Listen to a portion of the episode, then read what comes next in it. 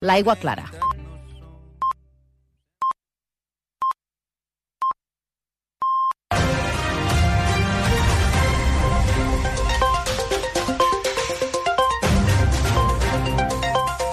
Són les 3, en moment de recopilar la informació, desapareixen les cues a l'autopista P7 a aquesta hora, les retencions es concentren a la C16 i la C17, però ja van a la baixa. Última hora des del RAC, Anna Hernández, bona tarda. Bona tarda. Circulació pràcticament normal a la xarxa viària de Catalunya. Encara trobem retencions a la C16 a l'altura de Gironella i fins a Cercs per una avaria d'un cotxe fa una estona i que encara arrossega uns 8 quilòmetres més densos. A la C17 també en sentit nord cap a Ripoll, 4 quilòmetres també de congestió. Pel que fa a la 2 i a la P7 carreteres de molta congestió al llarg del matí, ara ja s'hi circula de manera normal, posant doncs punt i final a aquesta operació sortida de Tots Sants. Això és tot des del RAC. Bona tarda. L'Agència Catalana de l'Aigua diu que d'aquí a un mes començaran les restriccions d'aigua a Barcelona i l'àrea metropolitana. El director de l'ACA, Samuel Reyes, ha assegurat a rac que es prendran mesures, tot i que no hi haurà talls d'aigua. No hi haurà talls d'aigua, en un -huh. principi a les aixetes no, els ciutadans segurament ni se n'adonaran. La neteja de carrers amb les mangueres doncs, haurà de ser dos dies per setmana, el rec eh, dels jardins el mateix, el, els jardins privats passa el mateix, només dos dies per setmana i de nit en un principi, eh, no es poden utilitzar les fonts ornamentals, és a dir, s'haurien de cuidar. Eh, la indústria, l'agricultura i la ramaderia també tenen limitacions. La que assegura tot i això que el que més li preocupa és el sector de la pagesia i com s'arriba a la campanya del rec de l'any que ve. Fa poca estona el PP s'ha reafirmat en la decisió de trencar les negociacions amb el PSOE per la renovació del Poder Judicial. Núñez Feijó diu que Sánchez vol adaptar el Codi Penal a les exigències dels independentistes. Madrid, John García. Sí, Feijóo assegura que el PP va abandonar les conversacions quan es van adonar que el govern espanyol volia debilitar les institucions i afirma que els van mentir durant les negociacions. El líder dels populars no veu coherència en l'estratègia del PSOE. El orden constitucional no se protege a plazos. El orden constitucional no es compatible con aprobar una ley para profundizar en la independencia del Poder Judicial y después pactar un código penal con aquellos que no están dispuestos a cumplir la ley. Feijó afegeix que voler despolititzar la justícia i indultar polítics no és compatible. El Barça ja és a València, on aquesta nit buscarà sumar 3 punts que li permetin empatar provisionalment amb el Madrid al capdavant de la classificació de la Lliga. Després de l'eliminació de dimecres a la Champions, Xavi ha demanat canviar el xip al partit aquesta nit a Mestalla, pel qual segueix sense poder comptar amb Christensen ni tampoc amb Memphis, lesionat juntament amb Sergi Roberto i Araujo. El partit començarà a les 9 i abans ja se n'hauran jugat 3 més. De fet, ara mateix és en joc l'Almeria-Celta, el temps de descans amb victòria momentània pel Celta per 0-1 eh, i després es juguen el Cádiz Atlètic de Madrid a un quart de 5 i el Sevilla Sevilla Rayo dos quarts de set. Demà el Girona visitarà el Madrid, que ha confirmat la baixa pel partit de Benzema per fatiga muscular en una jornada que va inaugurar l'Espanyol amb un empat a una i a la nit al camp del Mallorca que l'ha deixat provisionalment dos punts per sobre del descens. Al marge del futbol, en bàsquet, aquesta tarda juguen tres equips catalans. A la CB Manresa Breogán a les 6 i Penya Saragossa a tres quarts de nou i a la Lliga Femenina Uni Girona Guernica a les 8. També aquesta tarda a les 7 el Barça de Futbol Sala busca la primera posició del grup a la main round de la Champions. I acabem amb el temps a l'espera que Martí Oliveres, de mica en mica anem recuperant l'ambient de tardor. Sí, aquests pròxims dies la temperatura anirà lentament a la baixa, anirà tirant cap avall, però no serà un canvi brusc, serà una baixada progressiva que en retornarà a l'ambient ja de tardor a mitjans de la setmana que ve, per tant, coincidint amb l'entrada al novembre, un ambient ja fresc a moltes comarques i fins i tot fred al Pirineu. Però de moment a curt termini encara no, continuarem parlant d'aquest ambient amb un regust d'estiu encara al migdia, moltes màximes aquesta tarda i demà a prop dels 25 graus, amb un cel que no fa net, però que entre dilluns i dimarts deixarà alguns ruixats cap al Pirineu de Lleida, sobretot. Les 3 i 4 minuts, tanquem el RACU migdia, que hem fet la redacció d'informatius i esports amb el Marc Selva, el control tècnic. A partir d'ara continuarem pendents de l'actualitat, els avanços informatius. A les 6 al Superesports amb el Xavi Puig, a les 8 el Barça juga a RACU amb el Joan Maria Pou des de Mestalla i per rematar-ho el Tu diràs a part de fins la una amb el Dani Aguilar. I nosaltres tornem demà a les dues. Ara RACU, el viatge bé, amb Esther Muñoz. Bona tarda.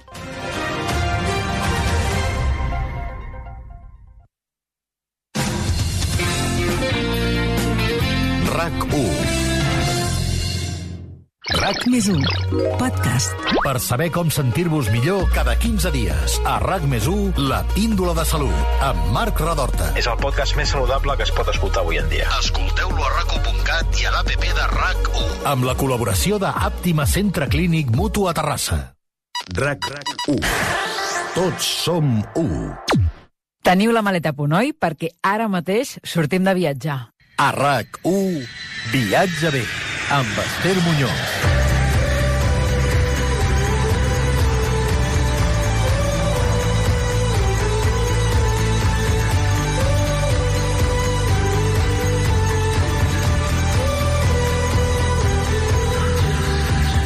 Molt bona tarda i benvinguts al programa de viatges de rac Aquest dissabte us portem a Brussel·les amb una excusa, la mostra Picasso i l'abstracció que el passat 14 d'octubre es va inaugurar als Reials Museus de Belles Arts de la capital belga. I és que, com ja sabreu, l'any 2023 se celebrarà l'any Picasso perquè farà 50 anys de la mort de l'icònic pintor. Avançant-se aquest aniversari i en col·laboració amb el Museu Nacional de Picasso s'exposaran 140 obres del pintor en aquesta exposició única i irrepetible que fins al 12 de febrer us dona l'oportunitat de visitar Brussel·les. Nosaltres hi anirem avui a la capital europea amb el corresponsal de rac a Brussel·les, el periodista Lluís Tobar. El Lluís fa dos anys que viu i treballa allà i ens ha preparat la seva ruta particular per aprofitar una escapada de dos dies. A la tornada de Bèlgica passarem per la llibreria Altair de Barcelona, on l'Helena Bernades ens espera amb recomanacions de llibres de viatges per llegir aquesta tardor i després de consultar les prestatgeries d'Altair anirem fins al mirador Torre Glòries que fa cinc mesos es va inaugurar a Barcelona. Veniu? Embarquem.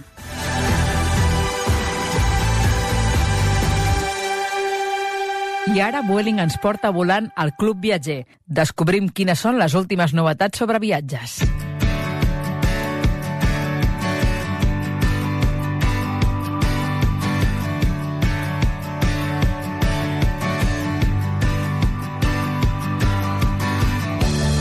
Aquesta tarda anem fins a Brussel·les, una de les ciutats més turístiques d'Europa, gràcies al seu ric patrimoni cultural. La capital de Bèlgica és també la seu de la Unió Europea i precisament fent el seguiment de l'activitat d'aquestes institucions a rac tenim el periodista Lluís Tobar, el corresponsal de la nostra emissora, i perquè li poseu cara, doncs també eh, suposo que hi haurà molta gent que l'haurà vist per la televisió a través dels informatius de Telecinco. Lluís, bona tarda. Hola, bona tarda. Benvingut al Viatge Bé. Gràcies, encantat de ser-hi.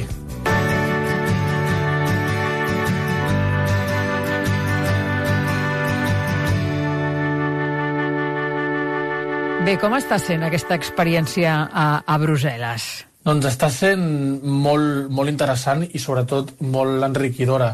Vaig arribar aquí, estic vivint a Brussel·les des del desembre del 2020, finals del, del 2020, perquè uh -huh. vaig arribar per començar l'any 2021, uh -huh. i la veritat és que en un any, eh, informativament parlant, ha sigut apassionant, perquè Uh, L'últim any des que estic aquí, per A o per B, doncs Brussel·les ha estat en el focus mediàtic, primer per l'any passat, no? pel tema de les vacunes, sí, sí. Uh, la, la compra centralitzada de vacunes, després els problemes que hi van haver amb AstraZeneca, amb Janssen, no? tot una mica aquest paradigma de les vacunes, la Covid, l'evolució de la pandèmia a tot el, a tot el continent, Uh, després, el, inclús a l'estiu, no? que dius, bueno, l'activitat es calma, doncs esclata les inundacions a Alemanya, les pitjors inundacions eh, en, els últims, en els últims anys aquesta a Bèlgica i Alemanya, no?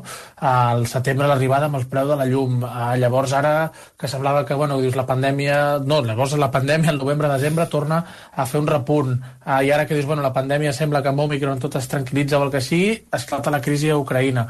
Vull dir que informativament un lloc molt, molt apassionant i la ciutat de Brussel·les i Bèlgica com a país és, una, és un país molt peculiar però, però té moltes coses bones i jo crec que eh, a l'hora de viatjar no, de Brussel·les es parla, es parla poc o es té un record una mica eh, gris, però quan un hi viu i la descobreix del tot, s'endú una imatge que jo crec que el turista que ve aquí només per un dia o dos doncs no, potser no acaba de veure. Doncs mira, d'això en volem parlar aquesta tarda amb tu, no? Volem conèixer doncs, eh, la, la ciutat i volem conèixer una mica també el país a través dels teus ulls d'una persona doncs, que ara mateix hi viu i tot i que doncs, és una destinació, doncs, ara mateix com tu ens explicaves, que és centre del món també d'alguna manera i molt noticiable, tu suposo que deus treure temps per fer activitat turística i per moure't i per descobrir llocs, no? Sí, hi ha temps, hi ha temps lliure. És veritat que, per exemple, eh, Brussel·les és una ciutat que a nivell informatiu els caps de setmana doncs, hi passa poca cosa. Eh, al final aquí, com, com diria l'expressió, no? la gent tira el boli el divendres a les 4 de la tarda i després al cap de setmana doncs és veritat que aquest any és, ha sigut un any excepcional no? perquè al final doncs també per fer prèvies de coses que passin el dilluns o que sigui doncs hi ha dies que et toca treballar però en general aquí els caps de setmana és una... l'activitat doncs, eh, baixa en aquest sentit, no? com l'activitat doncs, els funcionaris quan pleguen els divendres doncs, l'activitat l'activitat baixa no? Uh -huh. però hi ha, temps, hi, ha temps per, hi ha temps lliure per veure Brussel·les i també per veure Bèlgica Bèlgica és un país petit, està tot molt ben connectat amb tren i per tant és molt fàcil també fer-hi fer fer excursions. Tu coneixies la ciutat i Mira. hi havies estat abans? Hi havia estat, hi havia estat l'any 2018, feia sí, doncs, tres anys abans, i una mica el, el que et deia, no? Fe- fent la, la ruta que fa molta gent que fa aquest cap de setmana a Bèlgica, que és, doncs, vola, jo sóc de Barcelona, de Barcelona el divendres a la tarda, fa un matí a Brussel·les, veu l'imprescindible, i després, doncs, eh, fas eh, Bruixes o Gant, o les dues, hi ha gent que fa la, les dues en un dia, no? I havia fet aquestes dues, aquestes dues ciutats l'any 2018, però de Brussel·les ja et dic, vaig, com que vaig estar poca estona, de, doncs un, un matí i una nit doncs vaig anar a lo típic, que és la Gran Plaça i el centre, a l'Atomium i, i quatre pinzellades del barri europeu perquè com a periodista em feia gràcia veure les institucions europees. A quina part de la ciutat estàs, estàs instal·lat tu? Estic en una zona que és, és una mica d'impàs, perquè no hi ha, un, hi ha edificis de- administratius de, de les institucions europees, però no es considera ja barri europeu. Estic entre el barri europeu i el centre, una zona de, de, del Parc Royal, uh, i és una zona que està, ja et dic, dir, estic ben situat perquè estic al mig, vull dir, estic a 20 minuts a peu de les institucions europees i a 15 minuts del centre. Per tant, en un barri una mica entremig, no? Això que tens la sensació de que quan surts de la feina, doncs, arribes a casa, desconnectes perquè no estàs al barri europeu i a sobre tens el centre, per exemple, a mà, res, a, a, a 15 minuts caminant. O sigui, al barri europeu no cal que hi anem si, si viatgem a Brussel·les el cap de setmana perquè ens ho trobarem tot tancat. Clar, el, el tema és que si, si veniu un cap de setmana, eh, clar, és molt curiós perquè fins i tot els, els bars, els restaurants, tot tanca els, els caps de setmana, perquè són, és un barri pensat precisament doncs, pels, pels funcionaris. Hi ha una cosa molt curiosa que passa els dijous, no? per exemple, perquè es veieu el contrast, que és la plaça Luxemburg, que és una plaça que està davant del, del, Parlament, del Parlament Europeu, i cada dijous és una plaça plena de bars, i els bars el que fan, sobretot amb el bon temps, és treure literalment les barres a fora i es munta realment un ambient de festa brutal on inclús és molt habitual trobar-t'hi eurodiputats, funcionaris i gent dels gabinets de- de- d'eurodiputats i, i hi ha vegades, sobretot quan arriba el bon temps, que hi ha tanta gent i tant ambient que és pràcticament una discoteca a l'aire lliure que fins i tot la policia de Brussel·les ha de tancar el trànsit al, als cotxes de la gent que s'hi forma. I no? Pa, eh, i es dona la paradoxa que el dia següent tornes un divendres a la nit, que dius, ostres, un divendres a la nit, no? el, el típic dia per anar a sopar, a vendre alguna final de setmana, i és una plaça que l'ambient bueno, cau del tot i, i, i està molt morta, que dius, inimaginable que, que un dia abans, no? per tant, és una mica l'exemple aquest de que és un barri que té molt ambient entre setmana, però després al cap de setmana, diguem, de l'ambient i tot això, doncs es mou a, a altres zones de la ciutat. Uh -huh. I, I el que és el Parlament Europeu o, o la Comissió són llocs visitables el cap de setmana, si hi anem? Només per fora, perquè per dins s'ha de demanar... Fan poques visites a portes obertes, sobretot la Comissió Europea ho té força restringit. El Parlament Europeu sí que organitza més visites a, a portes obertes. Sé que en fan al cap de setmana, que en són poques per això, però la Comissió Europea o el Consell Europeu, per exemple, que és on es fan les, les cimeres de caps d'estat i de govern i tot això, estan molt restringides. Però vaja, per fora és veritat que és curiós perquè com, com Brussel·les és una ciutat que surt molt a les teles, no? per les cimeres, pels consells, doncs són, són edificis que, que la gent quan, quan, hi, quan hi arriba els hi sona, les banderes europees, no? És la, la plaça Schumann, que és on hi ha, hi ha la, la comissió i davant hi ha el, hi ha el Consell, no? Això eh, des de fora ja són, ja són es veu al, al pati inclús de quan arriben el, el, els ministres i fan les declaracions, vull tot això que la gent veu a vegades per la tele, no? A mi em va passar que durant la crisi econòmica, no? quan arribaven els ministres d'Economia i les cimeres aquelles que acabaven de matinada, no? aquells patis interiors es veuen des de, des de fora i això, doncs, algú que està connectat a l'actualitat o que mira les notícies sovint, doncs per fora són reconeixibles. El que passa que per dins sí que són una mica més inaccessibles. Fa gràcia, eh? Fa uns dies vàrem estar a Ginebra i parlàvem amb una guia d'allà i també, no?, la, la visita doncs, a, a la seu de la ONU, no? Doncs també, també, la veritat és que la gent que hi va ni que sigui a fer-se la foto, hi has d'anar.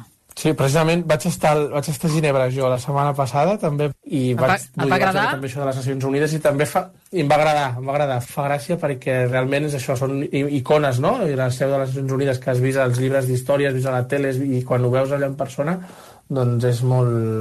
Bueno, fa gràcia, fa gràcia, sí, sí és la mateixa sí, impressió sí, sí, que quan, quan s'arriba aquí. Doncs va, Lluís, anem amb alguns dels imprescindibles de, de Brussel·les.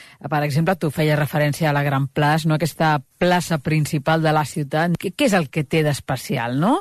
No sé si alberga edificis importants. És, sí, és la icona sense cap mena de dubte de, de, la, de la ciutat, l'imprescindible, jo diria, número 1, Uh, allà hi ha l'edifici principal, que és l'Ajuntament, el que, que es diu la Comuna, no? i el que crida molt l'atenció és la seva arquitectura, molt barroc, uh, tots els edificis amb una decoració daurada, uh, molt carregat, molt concentrat, no? I, i és una plaça realment preciosa i té una, té una cosa molt bona que hi ha algunes ciutats que a vegades no passa i és que està també molt ben il·luminada de nit i et diria que a vegades si, el, si fa sol de dia és molt maca, però és una plaça que inclús de nit no sé si, si més maca o no, potser no m'atreveixo, això no m'atreveixo a dir-ho, però és una plaça que està molt ben il·luminada de nit. És una plaça realment espectacular, ja et dic, on hi ha la, hi ha la comuna, hi ha el Museu d'Història Natural, i, i és una plaça molt agradable, molt xula per Nadal també, si algú hi va per, per l'època de Nadal allà hi fiquen un arbre de Nadal que realment hi dona, molt, hi dona el, seu, el seu toc a la plaça, Ten, tenen, té zones que et deixen pujar a, a les cases de dalt i per tant es pot veure des de la perspectiva des de, diguem des d'una mica més elevada, des de la primera planta, no? I, i és sens dubte l'icona de Brussel·les i l'imprescindible número, número 1 de la, de la ciutat. I molt a prop d'allà, està una altra de les icones, que és el Mannequin Peace, uh -huh. eh, és un emblema, un emblema, sí, sí. Nen, un emblema, aquest nen, doncs, que d'això... I, a més, és el que és més difícil, realment, s'ha de ser un privilegiat, quan arribes i no té cap mena de decoració ni de disfressa, perquè pràcticament els 366 dies a l'any el vesteixen d'alguna cosa. Per exemple, el dia 9 de maig, no? que és el dia d'Europa, doncs el vesteixen amb una boina i uns tirants i una camisa amb la bandera de la Unió Europea.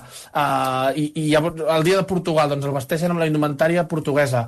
Uh, L'11 de setembre, uh, molts 11 de setembre, uh, s'ha vestit amb la, amb la, amb la barretina uh, vull dir, eh, catalanes i han fet actes allà i, i, i tot, no? Per tant, i fins i tot hi ha un museu a la ciutat amb els vestits del Mannequin Peace. Ah, sí? Que això és el, això és el, és el curiós. Hi ha un museu amb, les, amb la... Clar, com que hi ha tantes decoracions i s'han fet tantes coses, hi ha 3, fins a 365 dies a l'any per vestir-lo, doncs van fer un, un museu que està al costat de l'estàtua i és precisament amb els, amb els vestits més, més especials o, o, o més emblemàtics que s'han fet al, al Mannequin Peace. Per tant, és, és curiós, el que passa que és això, és difícil veure'l com és ell, no? completament nu, perquè ja et dic, quasi, quasi sempre està, està vestit d'alguna cosa.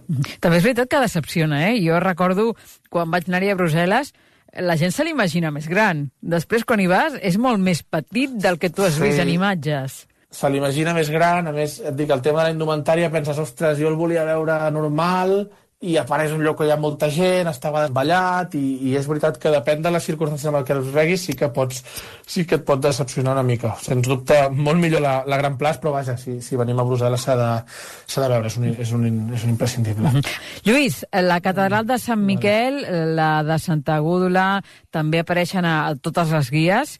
De fet, la catedral gòtica és la principal església catòlica de Brussel·les. No? Tu recomanes que la visitem? Sí, recomano molt. La visita és una de les catedrals més, més maques de, de Brussel·les, està més molt a prop de la, del Gran Plaç. Uh, impressiona molt més per fora, he de dir, que per, que per dins.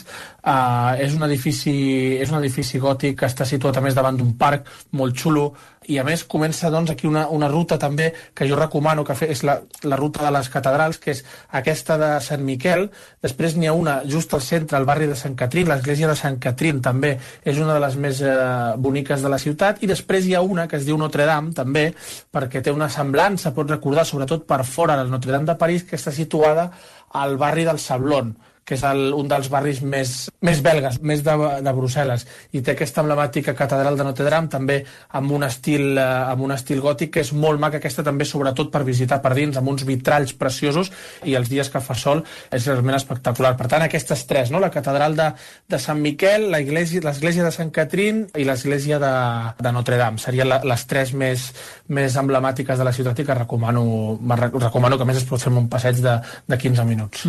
I un altre edifici que també té moltíssima fama és la, la Borsa, la Borsa de, de Brussel·les, que a més a més crec que fins i tot hi ha una sala d'exposicions al seu interior. Per què té tanta fama aquesta borsa? Doncs eh, sí, la, la borsa justament, jo per exemple no he pogut entrar-hi entrar, -hi, per dins, però sobretot doncs, crida molt l'atenció pel, pel seu estil eh, neoclàssic, és un edifici que està al mig de la ciutat, ha estat durant molt de temps amb obres, no? i tots els elements decoratius que té, construccions de, del segle, de finals del, del, del segle XIX, la seva, la, tot, tot com està decorada per, per dins, és una de les, bolses, de les borses més famoses. Jo sempre la comparo, no sé si qui ens estigui escoltant, si ha estat a la, a la borsa, a l'antiga borsa d'Oporto, té un estil eh, similar i que recorda bastant. Té uns vitalls també exteriors molt macos, eh, que els dies que fa sol doncs, eh, llueix encara encara molt més, una decoració també molt, molt daurada. Per tant, és un edifici que per dins realment eh, guanya moltíssim i és un altre imprescindible a tocar més just a tocar de la, de la Gran Plaç. També molt maco ja per fora, eh? vull dir, quan el veus per fora ja, ja et crida, ja crida molt l'atenció. A més, aquí eh, és un dels edificis que ha estat més anys amb obres, ha estat més de 10 anys amb, amb, amb obres i, i per tant ara que, que ja torna a, estar, torna a lluir amb la, seva, amb la seva essència realment és molt, molt impressionant tant per fora com, com per dins. Mm -hmm. eh, hem vist també, Lluís, que hi ha unes galeries molt famoses que estan considerades un dels racons que, que són dels racons més macos de la capital. Eh, les coneixes tu, aquestes galeries? Sí, són les galeries de Sant Obert, que estan Sí, sí, que estan al, al centre també, just al barri de la, de la Gran Plaç, i tenen un aire a les galeries més famoses, si no del món d'Europa, que són les, les galeries de Milà, també amb un sostre de vidre. Uh, res, són dos, uh, dos passadissos uh, i que tenen doncs, moltes botigues de xocolata belga, uh, terrasses, vull dir, bars, pastisseries, tendes, de, tendes amb, amb roba i ornamenta belga, Vull dir, per tant, galeries amb molt, amb molt sabor, molt maques també per Nadal. És un, realment com decoren, com decoren tots els aparadors per Nadal d'aquestes galeries és realment, realment impressionants i estan, i estan en, ple, en ple centre de la ciutat. Per tant, també molt recomanables i amb un aire a les de, a les de Milà. Uh mhm. -huh. Ens citaves al, a l'inici l'Atònium, eh, ens, que, ens deies que havies estat, no?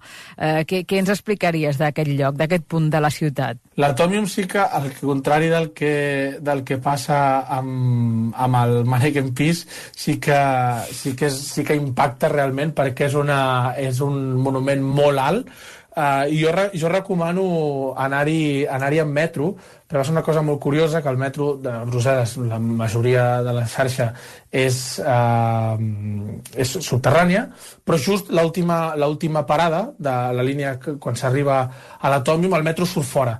No? Llavors és impressionant quan surt el metro del, del túnel, gires a la teva dreta i, i et trobes l'Atòmium, no? 100 metres d'altura, al, a, a la teva vista, no? És realment molt, molt impressionant.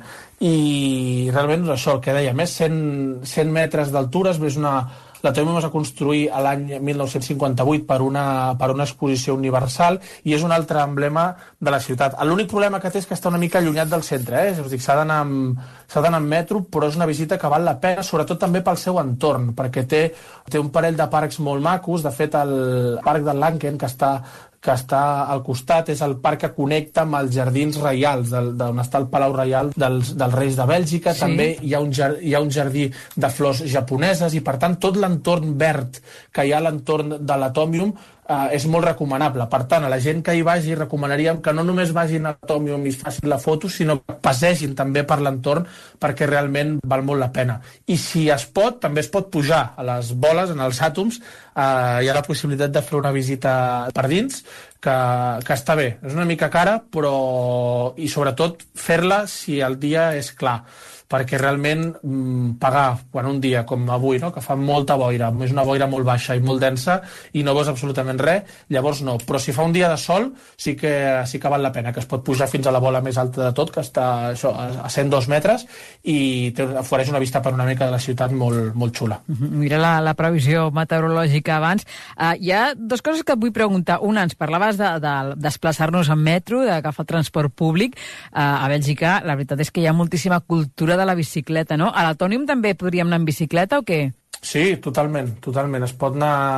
Tot, tot en general a Brussel·les es pot fer amb, es pot fer amb bicicleta, estan molt ben equipades, ja dic, o per passejos naturals a, per, pels parcs o, o gairebé totes les carreteres tenen, tenen carril bici. Eh, és una ciutat que en aquest sentit, doncs, sobretot en els últims anys, no, ha relat molt la cultura de, dels Països Baixos i jo em vaig comprar una bicicleta els dos mesos de, de venir aquí a, a, a Brussel·les també perquè és molt, és molt còmode. Ara, he de dir que tot i ser Bèlgica i que pot haver-hi la gent a països nòrdics tot pla, no.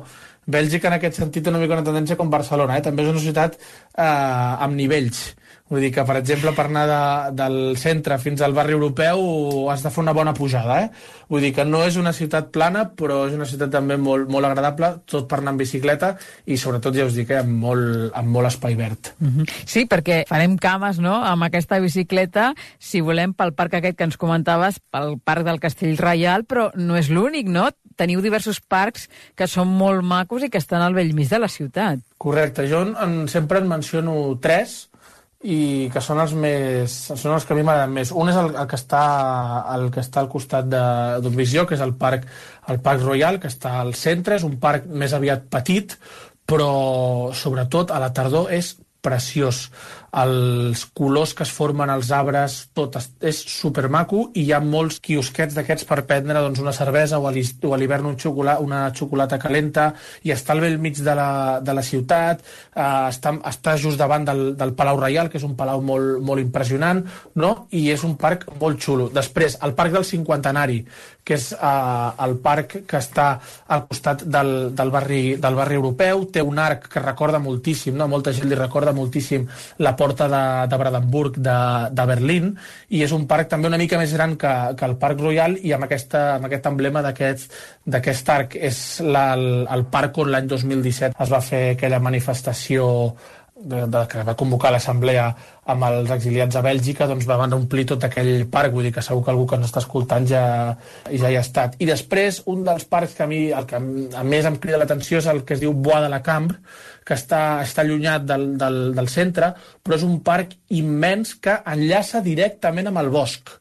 Per tant, és un parc que anem en bicicleta o anem a fer cames, podem estar-hi tot un dia sencer caminant perquè, perquè és un parc immens amb, amb, molta, amb molta possibilitat també ha restauració, hi ha una cosa molt curiosa que és que té una illa dins del, dins del mateix parc, uh -huh. amb mhm. una caseta de fusta, amb un, amb un restaurant que està, que està molt bé per menjar cuina, cuina belga i que només s'hi pot arribar amb, amb una barca que funciona amb una, amb una corda o amb una barca que podem llogar nosaltres i podem anar, anar-hi pedalant, però és una, és una illa que està al mig d'aquest parc. I després també hi ha una altra zona, que és la zona de Terburen, que Terburen és un, és un barri ja fora que no es considera Brussel·les, que s'hi pot anar amb tramvia o amb bicicleta, i també per veure, i sobretot a la tardor, val molt, val molt la pena l'espectacle de, de colors que, que hi ha, és on hi ha el Museu d'Àfrica, el Museu de la Cultura Africana, que és un museu molt interessant i que, i que recomano també molt, molt anar-hi, i a aquí a Terburen hi ha una zona on hi ha arbres de tot el món,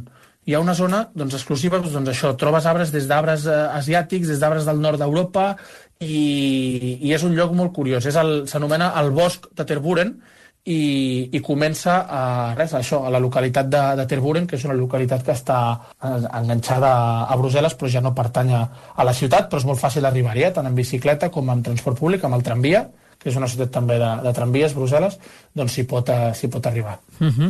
Déu-n'hi-do, eh? Hem anotat eh, uns quants plans, eh, alguns que no surten a les guies i que està molt bé, perquè d'això es tractava també. Escolta, em feia referència a aquest restaurant tan xulo que hi ha en aquesta illeta, on només s'hi pot accedir amb barca. A nivell gastronòmic, eh, què destacaries, no? Si menja bé a Brussel·les, eh, hi ha alguna cosa que t'hagi sorprès? Eh, alguna cosa que enyoris de Catalunya o què? S'hi pot menjar, s'hi pot menjar molt bé, i jo sempre ho dic, que Catalunya és segurament dels, dels millors països gastronòmicament eh, parlant, per tant, és difícil que estar-hi a l'altura, però a Bèlgica s'hi poden, poden trobar coses molt bones. La cuina belga Bé, hi ha el, les famoses, un plat senzill, però són els musclos amb les patates fregides, sobretot a la zona de mm. Flandes, però és, diguem, la, la, insígnia, la insígnia belga. No ve, no ve barrejat, eh, que molta gent ho pregunta, però venen no? els musclos amb les patates fregides? No, no, no, no, no. venen els musclos amb, una, amb, la seva, amb la seva olla i la salsa que, que escullis i després et porten la paperina de, de patates fregides. Per tant, allà ja forma part del gust de cadascú si vols, si vols barrejar les, els musclos amb les patates o, o no. I després hi ha, de, de, de cuina belga, hi ha el plat, el, el buc insigne, diguem-ne, que és la carbonat, li diuen, no?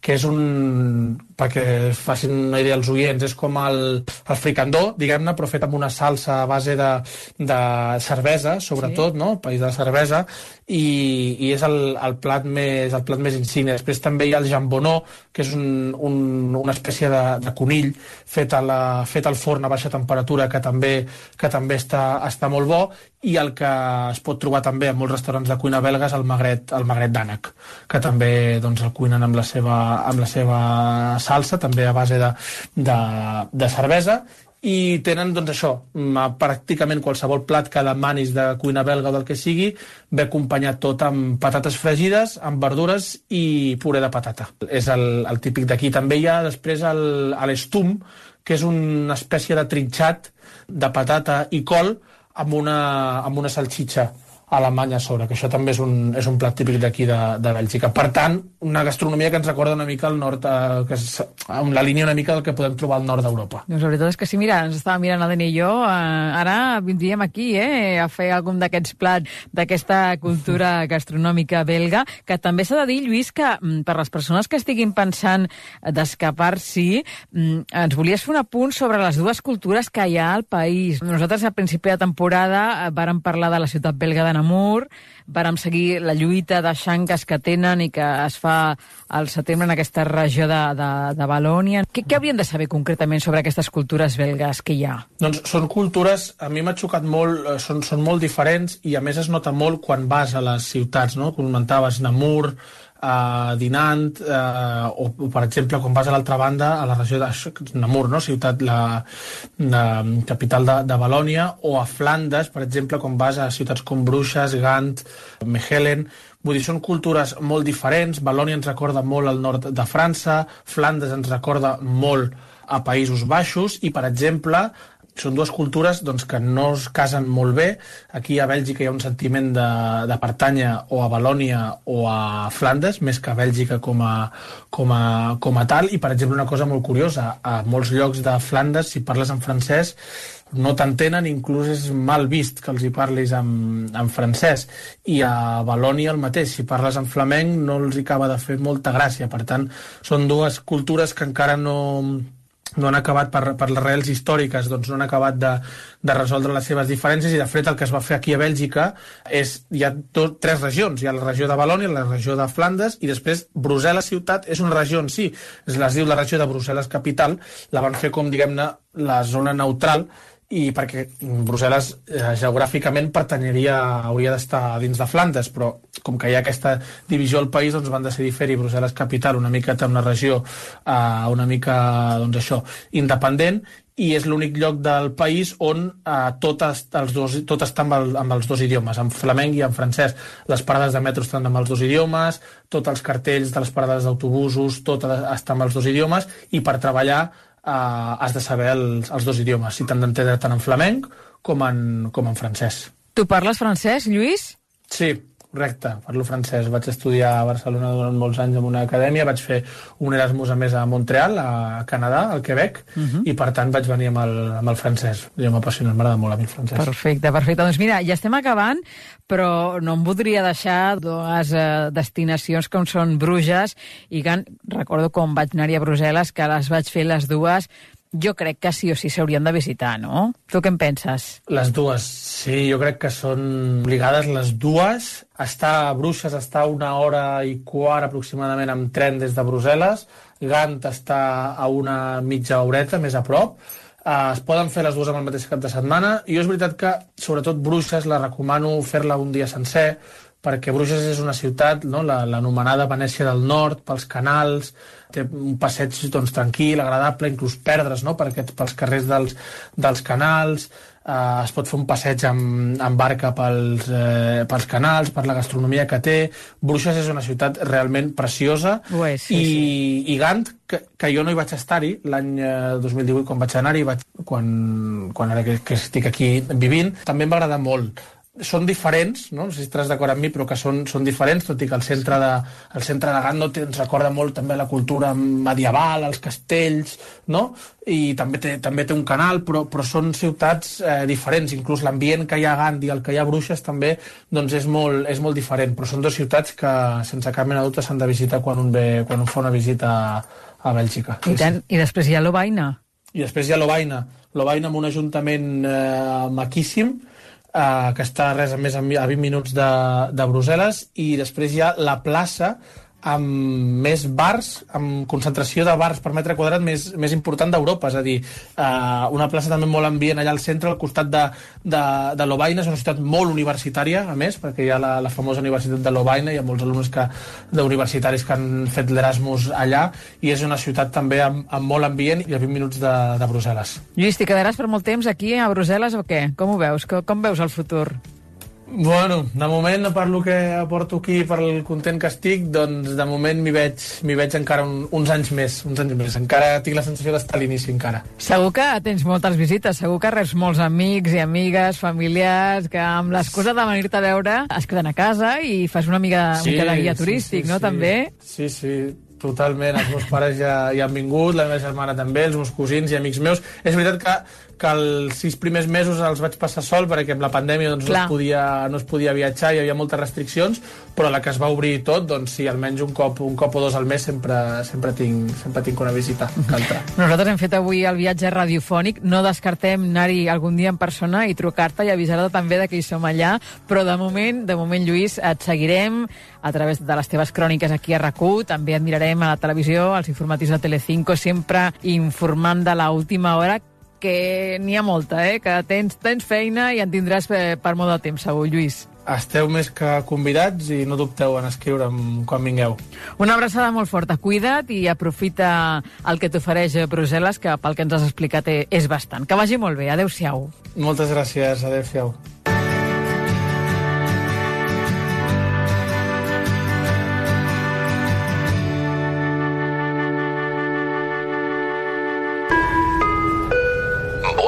Informa. Consells i inspiració per al teu proper viatge. Troba la teva destinació ideal. Sol i platja, natura i rural, urbana i cultural. En família, Vueling et porta a ciutats d'Espanya, Europa, el nord d'Àfrica i el Pròxim Orient. Visita el web o l'aplicació, tria la destinació i cerca els vols que et vagin millor. Inspira't amb Vueling.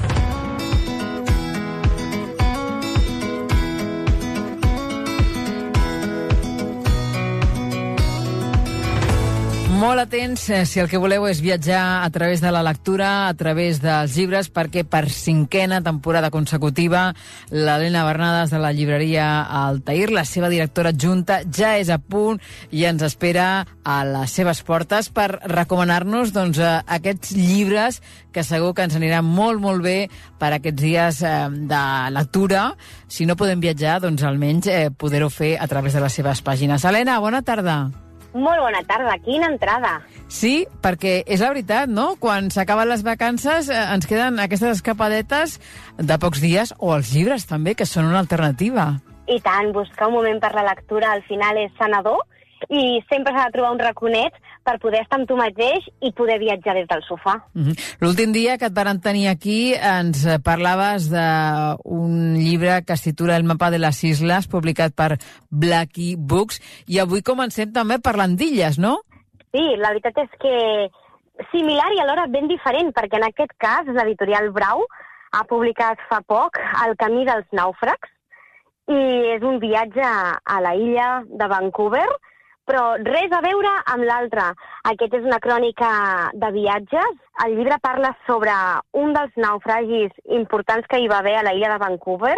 La illa de Vancouver i aquell voltant de territori, a finals del segle XIX, patia innumerables naufragis i és un tram molt petitó però que era bastant perillós en el seu moment. L'autor, Josep Palau i Sant Martí, ha recorregut, ha recorregut a peu el sender que van haver de crear per poder rescatar el naufragi del València i a partir de tota aquesta expedició, quasi quasi, explica les vivències d'un trajecte fins a completar tot aquest trajecte, redescobrint també què va passar al passat, les històries d'un rescat on els supervivents en una terra inhòspita, 75 quilòmetres de rescats durant un temps en el qual tot era encara més complicat i és un viatge no només al passat, sinó també a una intriga, a una, un desconeixement que recorre des d'una forma molt literària, però alhora molt èpica, d'humanitats, de secrets, de trobades amb indígenes que vivien per aquelles terres i jo crec que ens farà traslladar a tots una mica quasi, quasi amb una sèrie d'aquestes que es veuen a Netflix avui en dia. Sí, sí, tota una aventura que, que se situa, si no m'equivoco, a finals del segle XIX, principis de, del segle XX. Correcte, sí. Justament en aquella època en la qual el transport marítim era prioritari i importantíssim i ens recorre també en tota una mica la cultura d'aquella zona on la convivència entre indígenes i blancs encara era conflictiva. Uh -huh. Editat per Brau, ens deies El camí dels nàufrags, viatge a la perillosa costa de l'illa de Vancouver, escrit pel Josep Palau i Sant Martí. Aquest és el primer llibre que tenim avui a la llibreria Altair. Quin seria el segon? L'altre ens quedem a casa, Barcelona, al centre de Barcelona, punt neuràlgic, el Raval. Montserrat Morera escriu Ravals, publicat per l'editorial Bromera, i fa un recorregut quasi, quasi autobiogràfic on ens parla no només d'un Raval, sinó de tots els Ravals. Ella, nascuda i criada al Raval, marxa a Londres, on refà la vida i es casa amb un anglès, i per motius circumstancials ha de vendre el pis de la família del carrer Hospital, i per fer-ho hi retorna. I es retroba no només amb un barri canviant, amb persones que havia coincidit amb elles anys enrere, i és un llibre de històries i de memòries personals i vivències d'aquest barri, però també és un, és un llibre que ens reflexa amb flashbacks com ha anat canviant, com el Raval ha passat a ser un barri eh, de poble quasi quasi, a patir una gentrificació i un canvi no només pel turisme, sinó també per la, popi, per la pròpia idiosincràsia de la ciutat, i ens fa un anàlisi molt carinyós i una mica nostàlgic del, de, del Raval d'abans i de com se'l troba ara. És un llibre molt recomanat, ambientat en un llarg lapse de temps, que culmina als atemptats del 2017 que va patir Barcelona, i on viurem no només les transformacions urbanístiques, sinó també la vida de les persones que l'habiten sense ingenuïtats, canviant, com, com la vida mateixa. Sí, sí, de fet hi ha moltíssima història en aquest llibre perquè ens trasllada, com tu deies, no? al 2017, però abans també passa per mm, la Guerra Civil, per la repressió, per la seva jovent, no? Exacte, sí. És un llibre que va anant endavant i endarrere i coneixent no només la seva història, sinó, exacte, la història que ha marcat els punts importants històrics d'aquesta ciutat, viscuda des del Raval i amb el Raval com a rerefons, però que ens explica molt més el context d'una ciutat del segle XX. Doncs ja tenim dues lectures més eh, pendents a, a la llista. N'afegirem més en els propers dies. Per tant, eh, Helena, molt atenta a totes les novetats que, que vagin arribant, perquè sí que és veritat que s'editen moltíssims llibres, però és que de viatges també sobre aquesta temàtica hi ha moltíssims escriptors. Molts, i de fet, eh, fins fa poc la literatura de viatges era com un sector molt classificat i cada vegada es desdibuixa més la línia divisòria i cada vegada és més fina aquesta línia entre el que es pot considerar i el que no un viatge, amb la qual nosaltres convidem a que algú passi per la llibreria i vegi que la literatura de viatges no és només aquella que va lluny i és remota i és una expedició, sinó que la literatura de viatges són moltes més coses i és un horitzó molt ampli. Mm -hmm. Doncs ho celebrem, eh? Per això tenim nosaltres aquí al programa aquesta secció de lectures viatgeres per eh, donar veu no, a totes eh, aquestes lectures, a tots aquests llibres que s'editen i als seus autors. Moltíssimes gràcies un cop més. Helena, bona setmana. Un plaer. Adeu.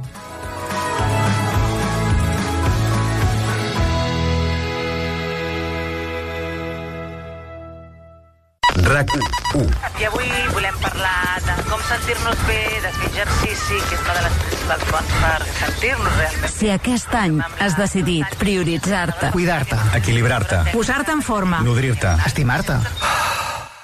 aquest és el teu programa.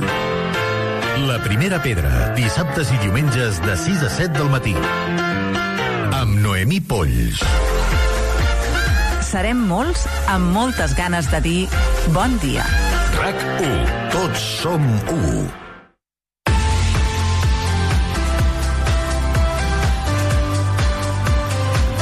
Sintonia de concurs, sintonia de mapa RAC1 i és moment de recordar-vos que fins l'11 de desembre tornen les jornades d'esniu per assegurir a diferents restaurants de Palafrugell, Tamari i Villafranc, un dels plats més emblemàtics de la cuina local. I nosaltres, eh, gentilesa dels organitzadors d'aquestes jornades, avui posem en joc al viatge bé un menú per a dues persones perquè pugueu gaudir d'aquest plat tradicional que, com ja sabreu, doncs, en els seus inicis eh, es feia sense car, perquè es tractava d'un plat de quaresma, es feia amb tripa de bacallà, ou dur, peixo palo i patata. Doncs bé, tenim aquest premi a sobre de la taula i és tan fàcil com que responeu a la pregunta que avui us plantegem. Volem saber què esteu fent aquest cap de setmana de castanyada, de Halloween, aquest cap de setmana llarg de quatre dies per a molts, on heu anat, què esteu fent, quin és el vostre pla, ens ho envieu a les nostres xarxes, a l'arroba viatjabé, a Twitter,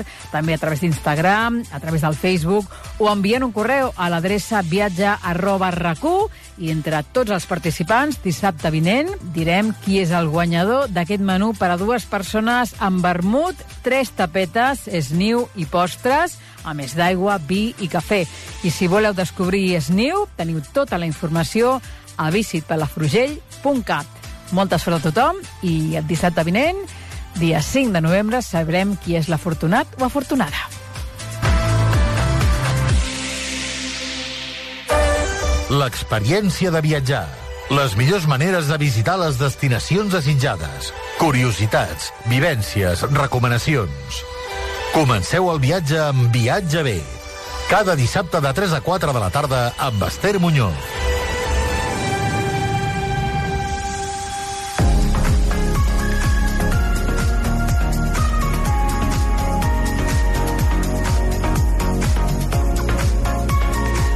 Anem fins al cor de l'actual districte tecnològic de Barcelona, el 22 arroba, on el passat 20 de maig es va inaugurar el Mirador Torre Glòries, el nou referent cultural i de lleure de la ciutat. Allà ens hi espera el seu director, el senyor Aleix Prat de Pàdua. Aleix, bona tarda i benvingut al viatge B de rac Bona tarda, Esther.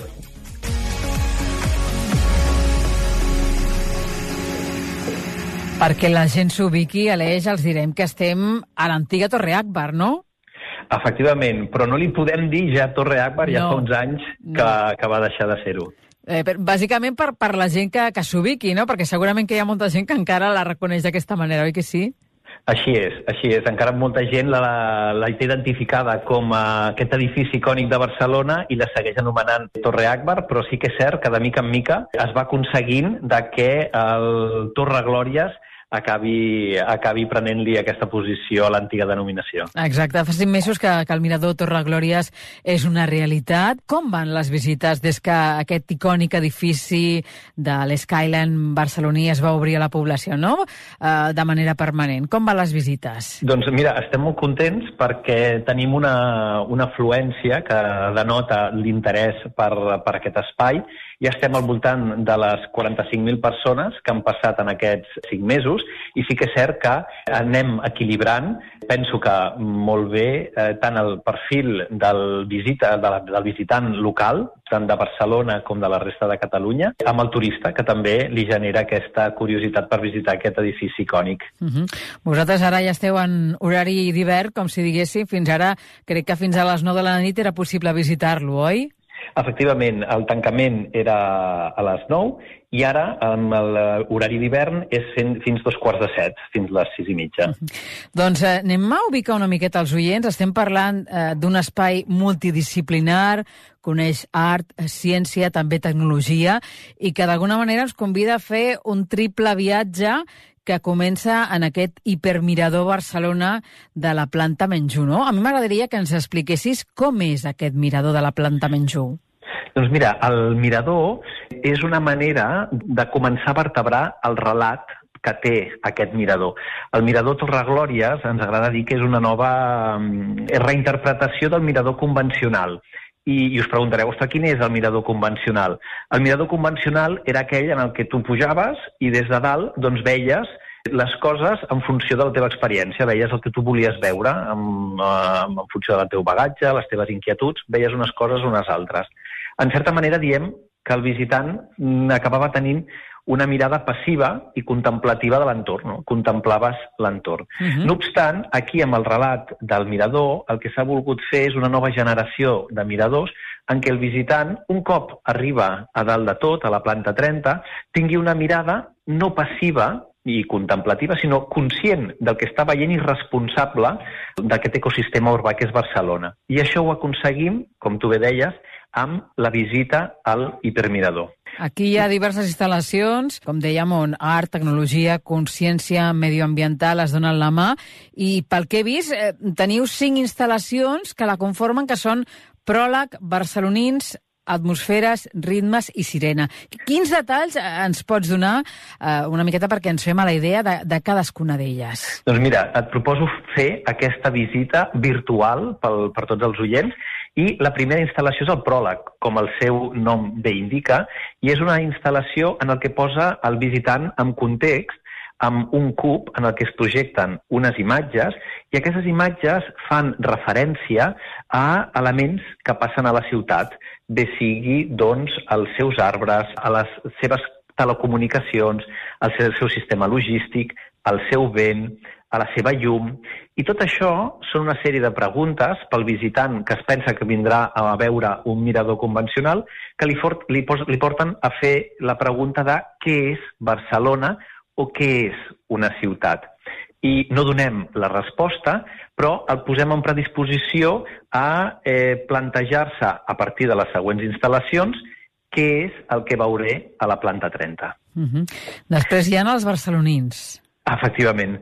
Eh, Barcelonins és la primera instal·lació i és una instal·lació que és eh, un homenatge a tots els altres habitants de Barcelona, tant plantes i vegetals com animals, des d'un bri d'herba a una, una alzina i des d'un microbi a una balena.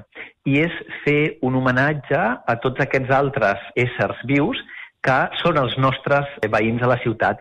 Anem a la tercera instal·lació, anem a Atmosferes, que és una espectacular projecció eh, envoltant, eh, envoltada d'una pantalla de gran format de 108 metres quadrats. És una experiència immersiva, aquesta?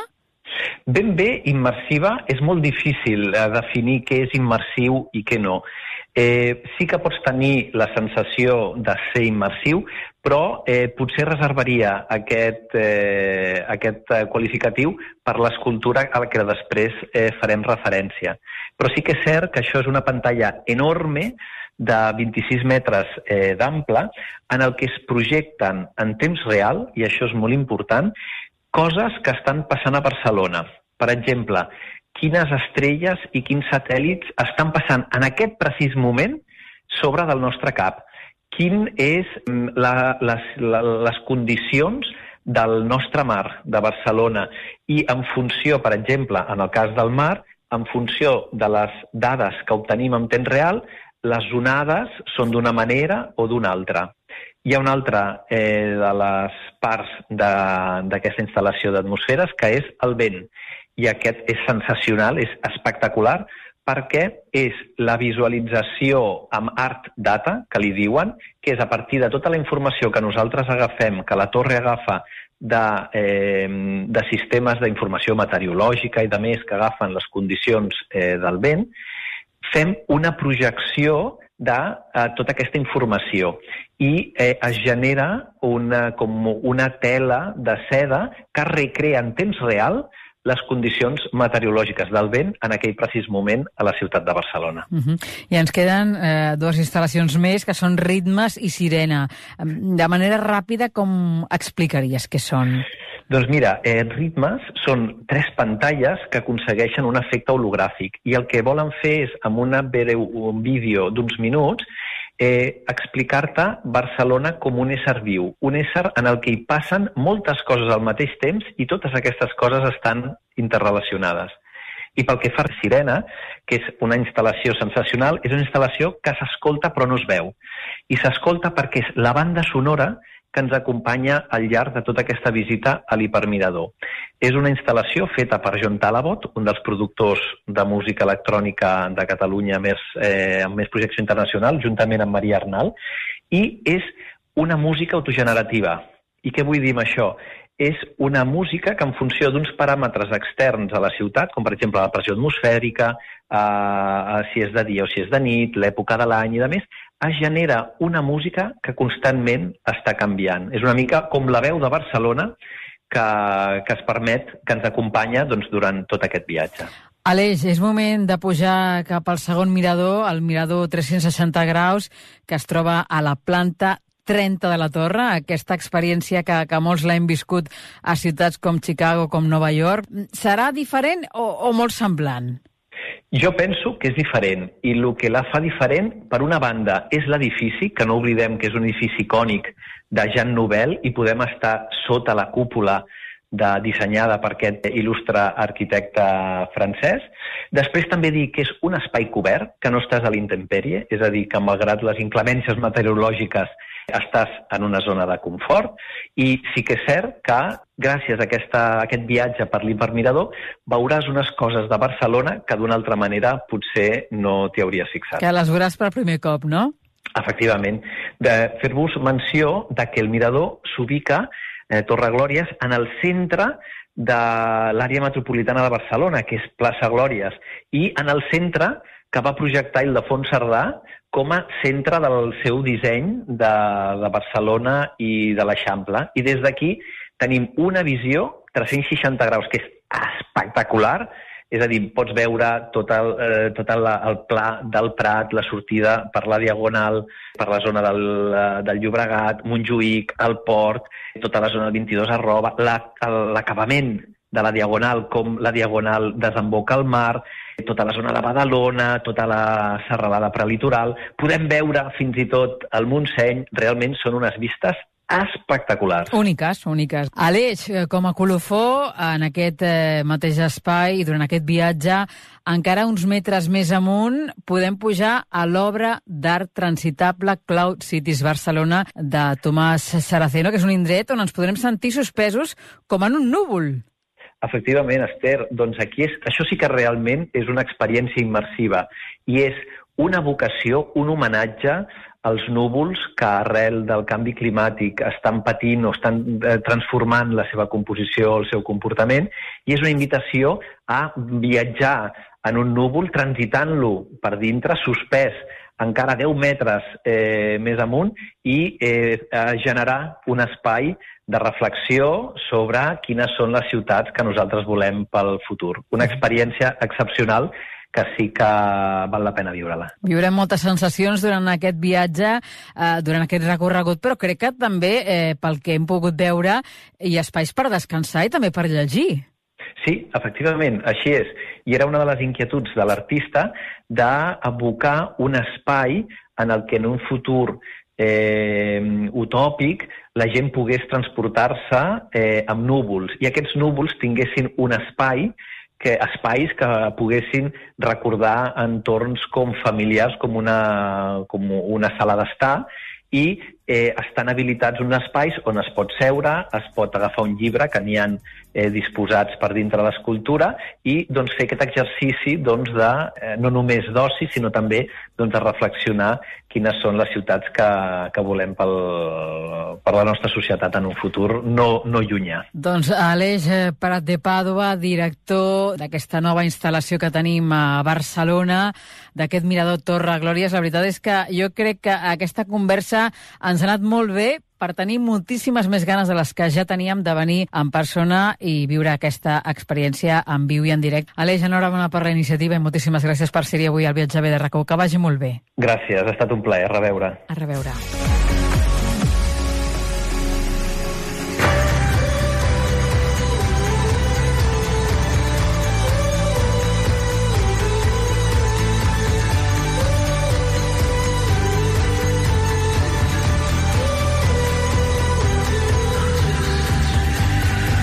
Fins aquí les nostres escapades d'aquest dissabte 29 d'octubre al Viatge B.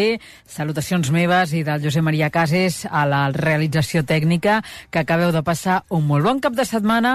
Aprofiteu-lo si teniu pont i recordeu que ens retrobem, si voleu, el proper dissabte 5 de novembre a les 3 i 3 de la tarda. I sou tots convidats. Us hi esperem. Que vagi molt bé. Senyores i senyors, en nom d'Ester Muñoz, gràcies per viatjar en Viatge B a rac i fins dissabte que ve.